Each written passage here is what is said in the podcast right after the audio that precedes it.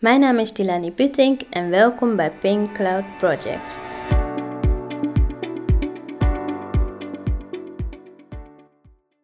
Welkom Anna. Zou jij jezelf eens willen voorstellen? Ik ben uh, Anna Maria van Valen. Ik ben geboren in Indonesië, in Bogor. En toen ik 2,5 jaar was, ben ik geadopteerd naar Nederland. En ik ben opgegroeid in Sliedrecht. Toen ik 12 jaar was, um, ja, had ik wel vragen over mijzelf, waar ik vandaan uh, kwam en op wie ik dan leek. En uh, toen zeiden mijn adoptieouders, als je 18 bent, dan gaan we naar Indonesië en dan uh, kun je je geboorteland zien. Is dat ook gebeurd? Ja, dat is ook gebeurd. Samen met mijn zusje, die ook geadopteerd is, zijn we naar Indonesië afgereisd. En ik had wel papieren ja, van mijn adoptie, die had ik ook mee. Er stond ook een dorpje in waar ik geboren ben. En dat wilde ik wel graag bezoeken. Mm -hmm. En er stond er ook een naam in van een moeder. En eigenlijk uh, wilde ik gewoon zien waar ik vandaan kwam, het land en ook uh, de streek. Maar ja, toen ik daar was, had ik mijn papieren aan iemand laten zien. En uh, nou, die wist waar dat dorpje was. Dus oh, dat werd wel heel spannend. Ja. ja. En we verbleven daar vlakbij. En toen zijn we naar het dorpje gegaan. En daar kwamen we dan een dorpshoofd tegen.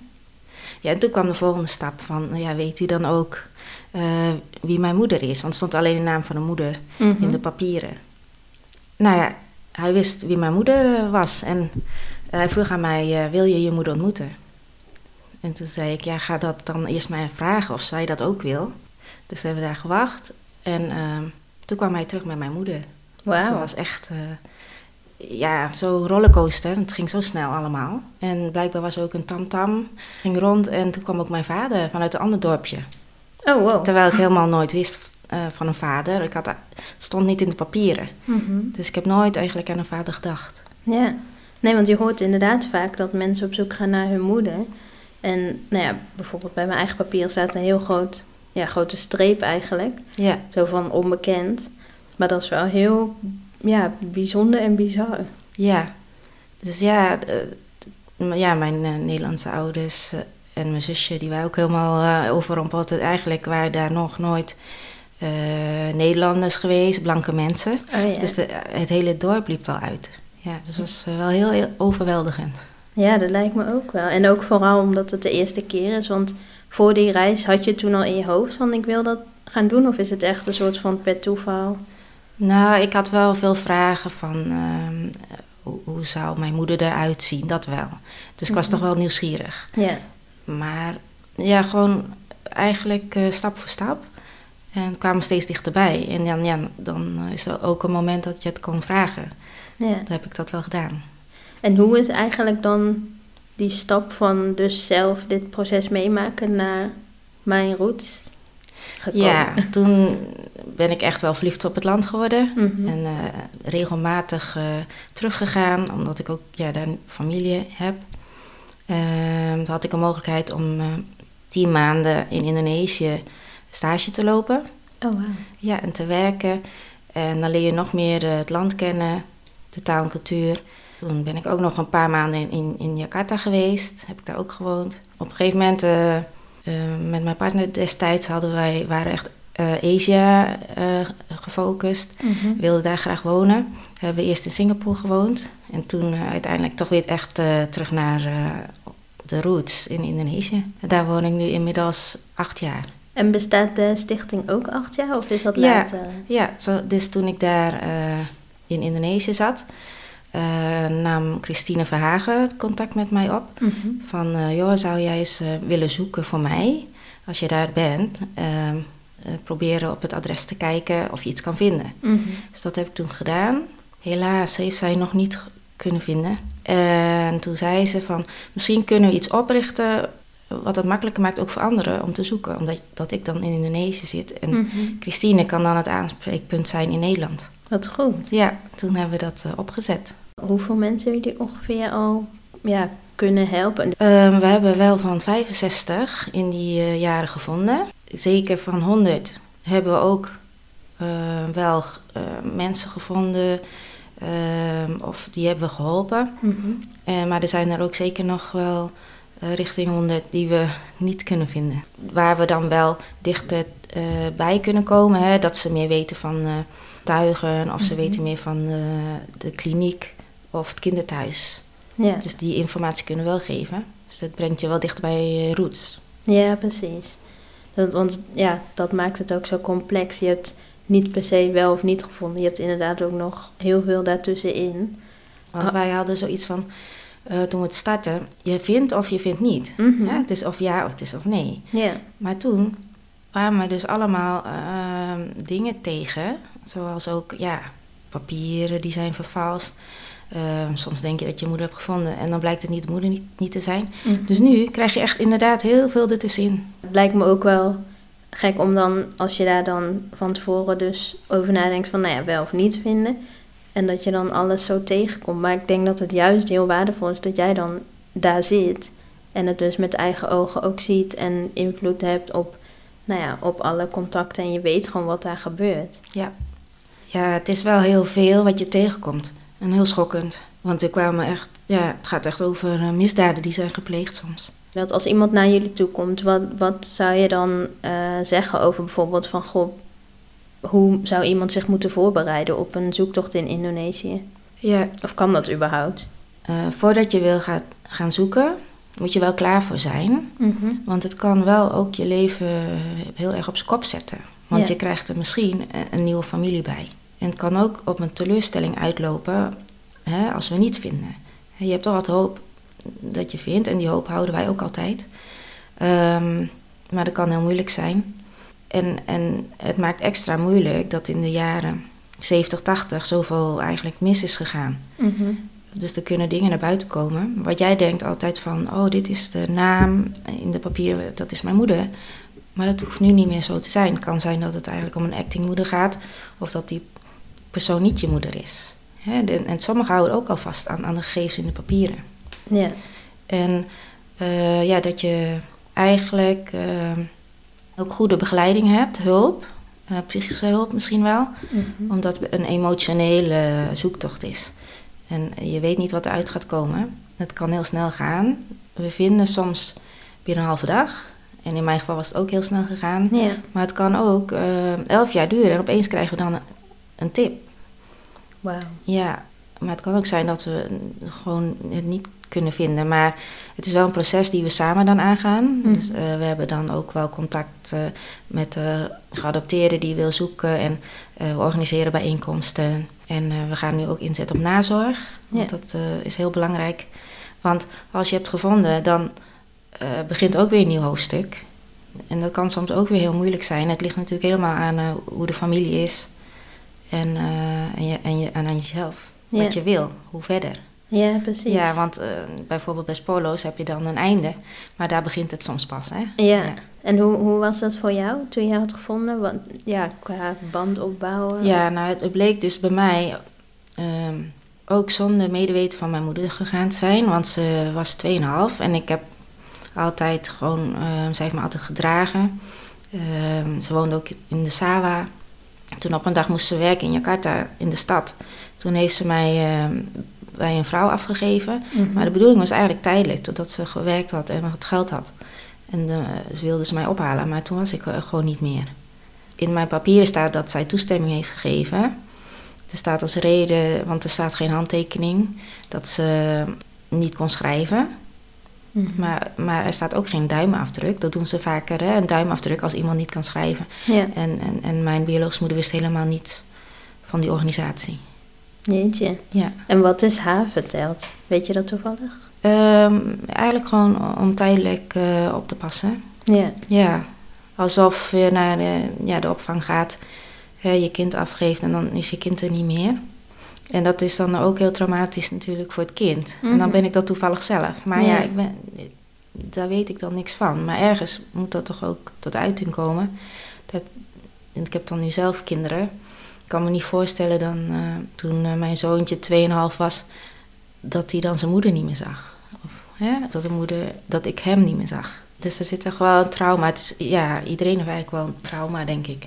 Ja, en het is juist heel goed inderdaad dat jullie ook nu op nazorg gaan zitten. Want dan, ja, met alle kennis en ervaring kan je daar ook heel goed eh, Ja, en, en plus wij, wij ontmoeten ook echt de biologische moeders. En die Mhm. kunnen ook nazorg gebruiken. Ja, Uh, Want ehm, soms is het tegen de moeder verteld dat het kindje dood is geboren. ja, En dan opeens staat daar een, eh, een volwassen eh, ja, kind voor je. Ja, daar zit, zo'n, eh, zit gewoon heel veel pijn. Ja. Ja. En is het in Indonesië ook een cultuur waarbij er niet per se over mentale issues wordt gepraat of valt dat wel mee? Eh, het komt wel steeds meer en ook taboes worden meer doorbroken. Mhm. En eh, vooral de laatste jaren zijn ze veel meer eh, open. Maar er zijn nog wel steeds moeders die dat altijd voor zich hebben gehouden. Eh, dat ze een kindje hebben afgestaan. Dus de Mhm. familie weet er dan niet van. Dus dat moet Ja. dan ook heel goed begeleid worden. En, maar anderen hebben het altijd al geweten in de familie. Mhm. En eh, ja, dan maakt het allemaal wat makkelijker. Ja, want dat is inderdaad wat je net zegt, van opeens staat er dan een volwassen persoon. En vooral als je dacht dat je kindje nou ja, overleden is. En dan, ja, voor die familie ook heel gek als er dan opeens een volwassen persoon is van, nou, dit is dan nog een kind. Want meest is dat, eh, in Sri Lanka hoor ik vaak dat adoptiekinderen vaak het eerste kind zijn. Is dat in Indonesië ook of varieert dat heel erg? Het varieert. Het, soms ehm, kan ook armoede de oorzaak zijn. En dan hebben ze bijvoorbeeld al twee kinderen. Mhm. En ja, het derde kind kunnen ze dan eh, niet Oh, meer ja. verzorgen. Ja. En we hebben ook wel veel buitenechtelijke eh, kinderen. En dat is een taboe in Indonesië.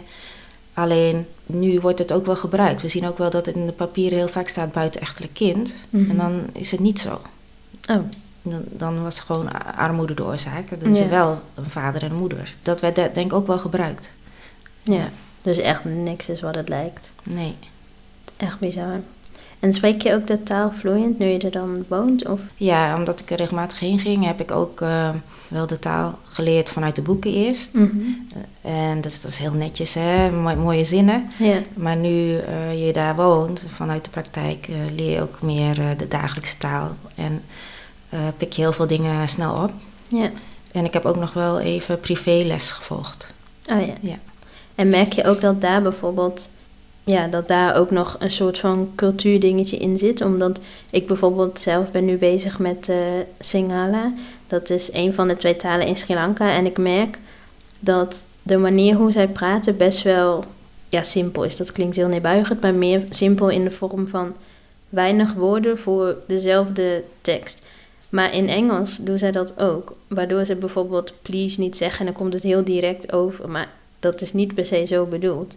Maar omdat gewoon, ja, een soort van lost in translation, dat je dan net een soort van de vorm mist. En dat lijkt me ook heel lastig als je dan met een biologische familie gaat praten of als je iets probeert duidelijk te maken aan ja, de Nederlandse kant. Dan lijkt me dat best wel lastig in hoe breng je dat over. Maar jij kent natuurlijk beide kanten, want je woont er, maar ja, je bent naar Nederland geadopteerd. Dus Ja, nee, dat heb je in Indonesië ook. Dan eh, kort is het heel erg. Of dan Mhm. ehm, kan er net een andere bedoeling eh, achter zitten op de manier hoe je het zegt.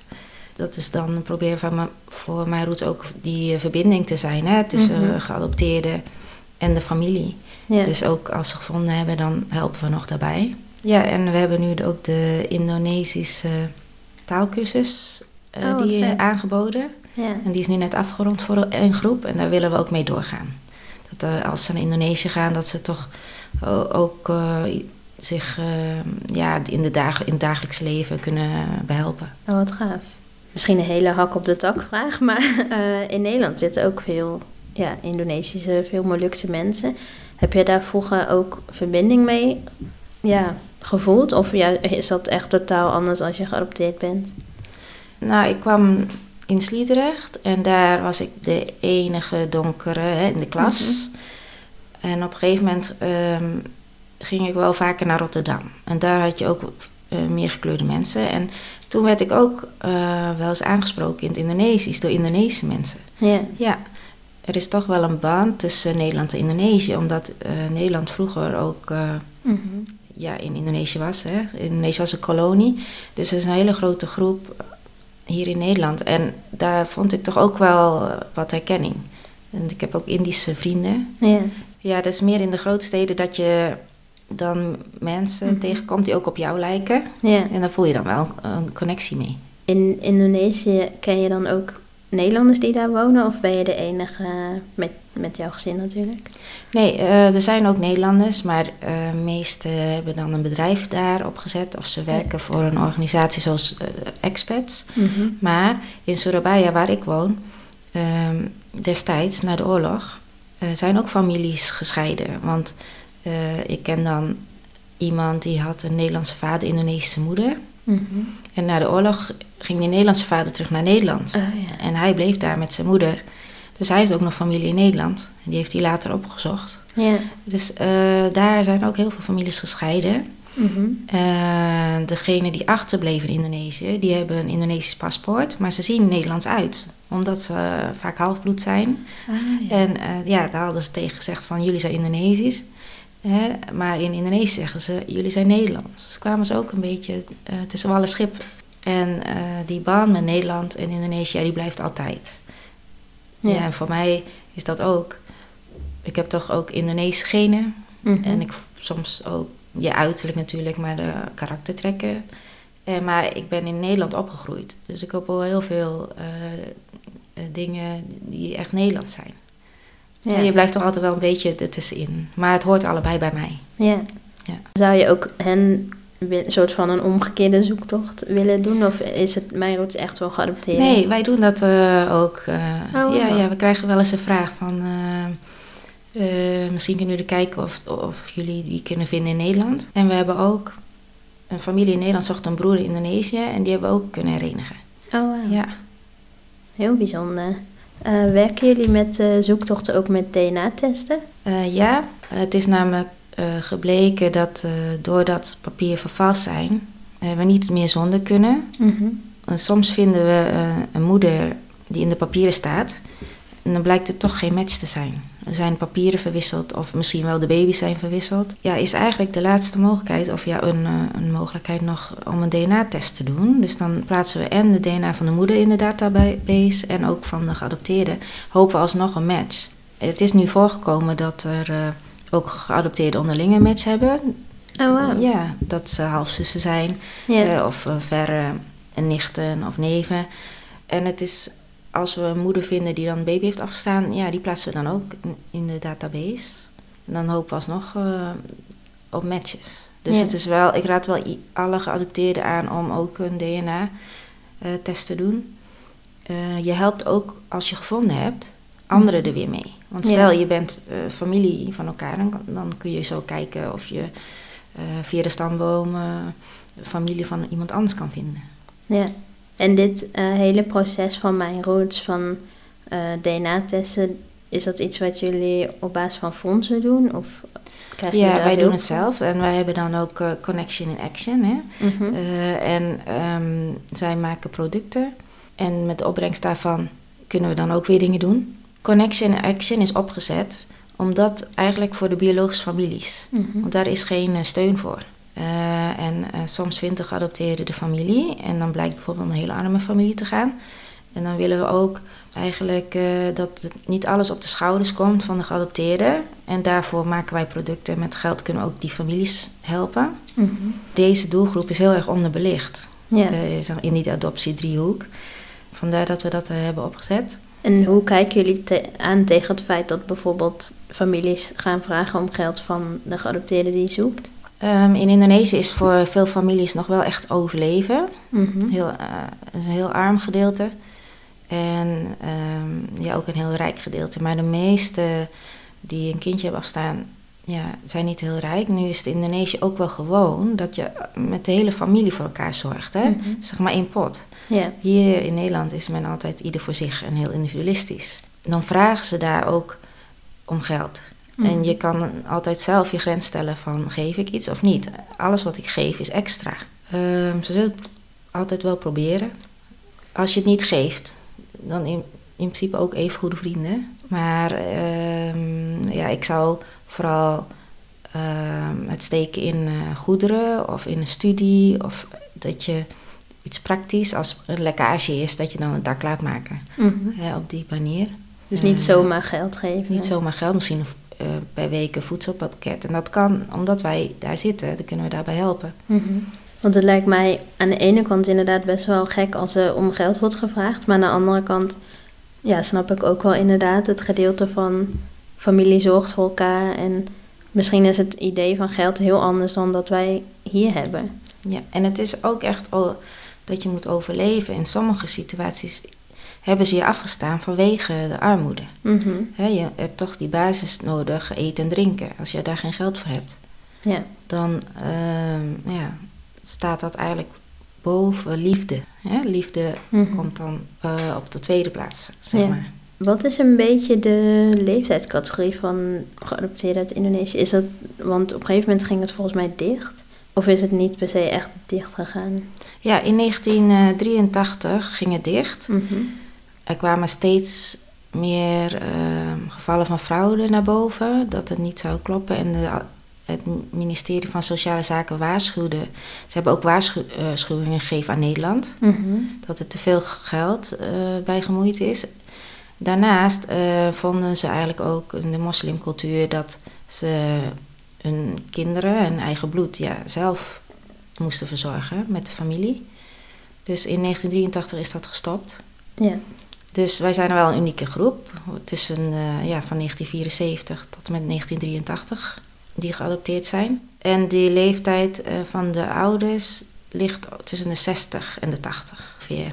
Lijkt me ook wel een soort van dat je misschien het gevoel krijgt van we moeten wel opschieten nu. Ja, wij hebben ook wel zoiets van, ja, dit, de komende jaren eh, Mhm. proberen we nog echt ja, zoveel mogelijk families te bereiken en, en te zoeken.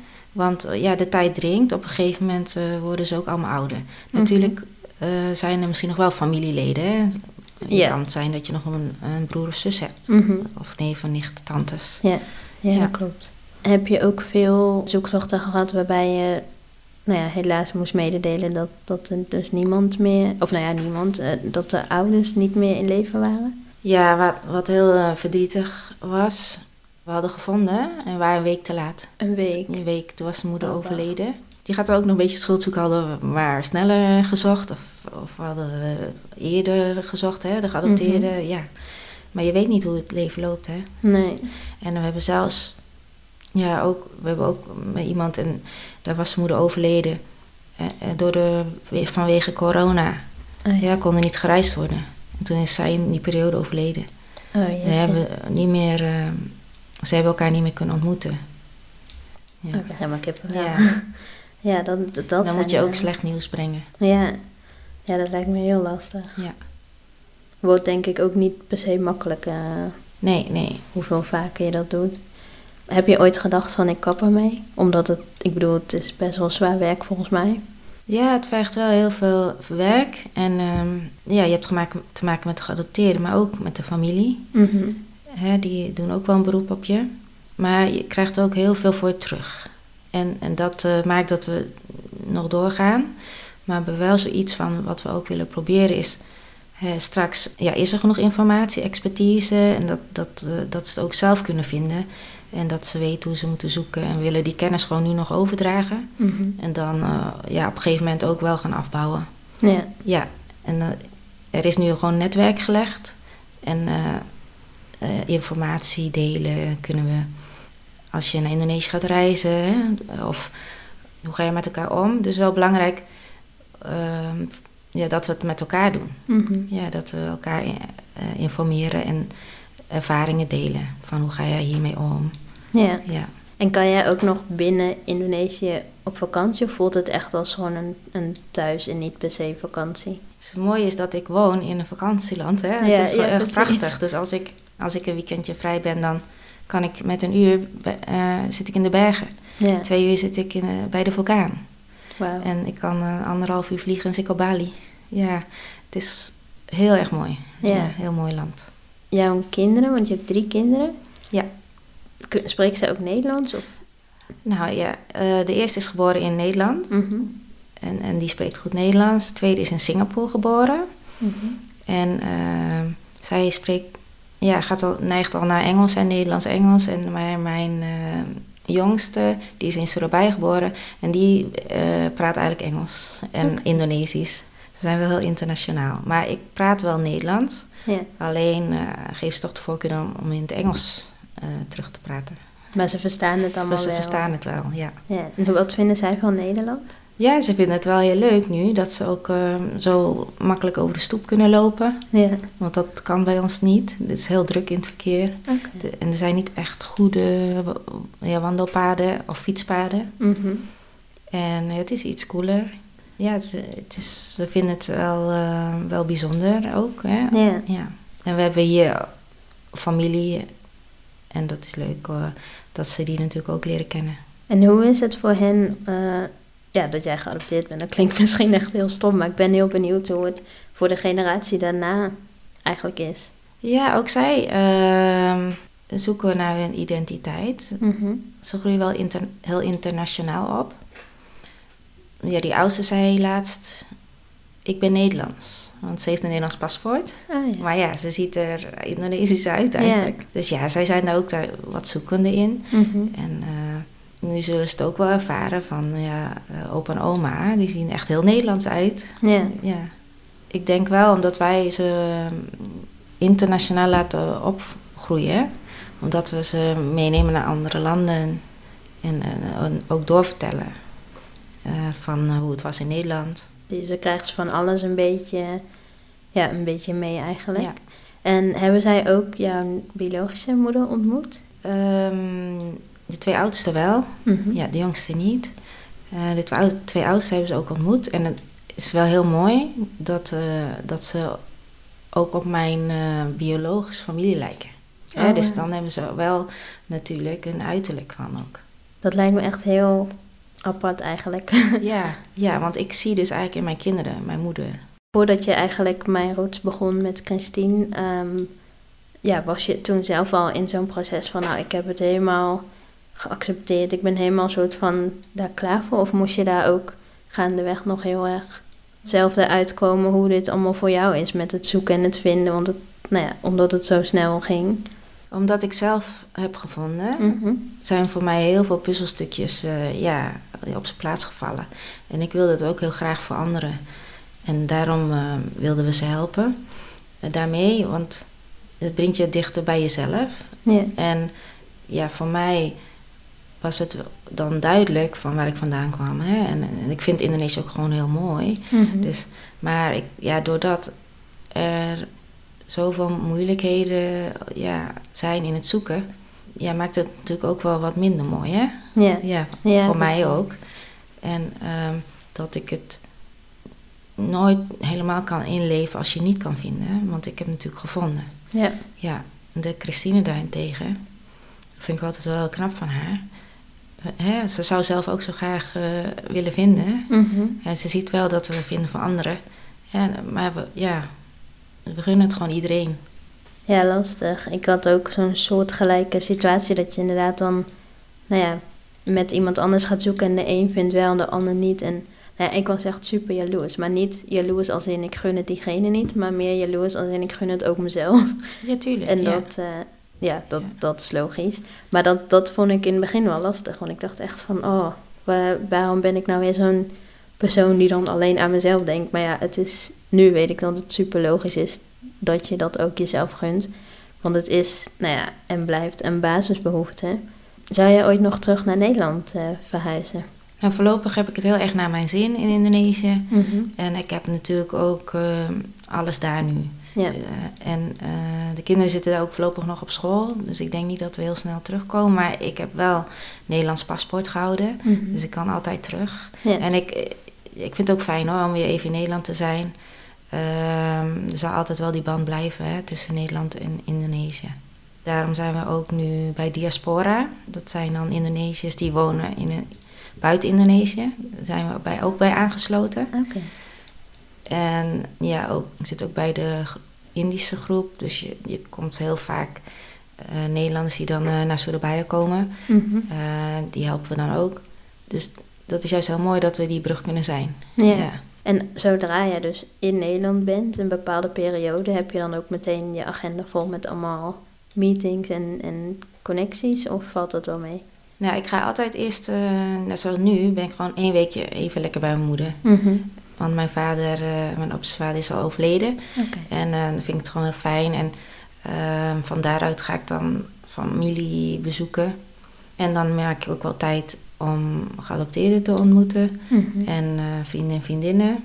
Omdat de kinderen nu ook zijn, ga ik ook met de kinderen nog leuke dingen doen. Ja, dus oh, leuk. ja, Ja, lijkt me ook wel bijzonder om dan de mensen ja, die je dan helpt, om dan hier te ontmoeten. En hier, je bent dan toch Anna in Indonesië, dus de tijd die er is. Want ik had het zelf ook met de Ja. podcast. Ik zag dat je hier was. Ik dacht, oké, even erachteraan. Maar ik had ook heel goed begrepen als je nou ja, super druk was met van alles. Want ja, je bent, je bent natuurlijk niet dagelijks hier. ik kan helaas niet eh, altijd iedereen zien. Nee, precies. Ja.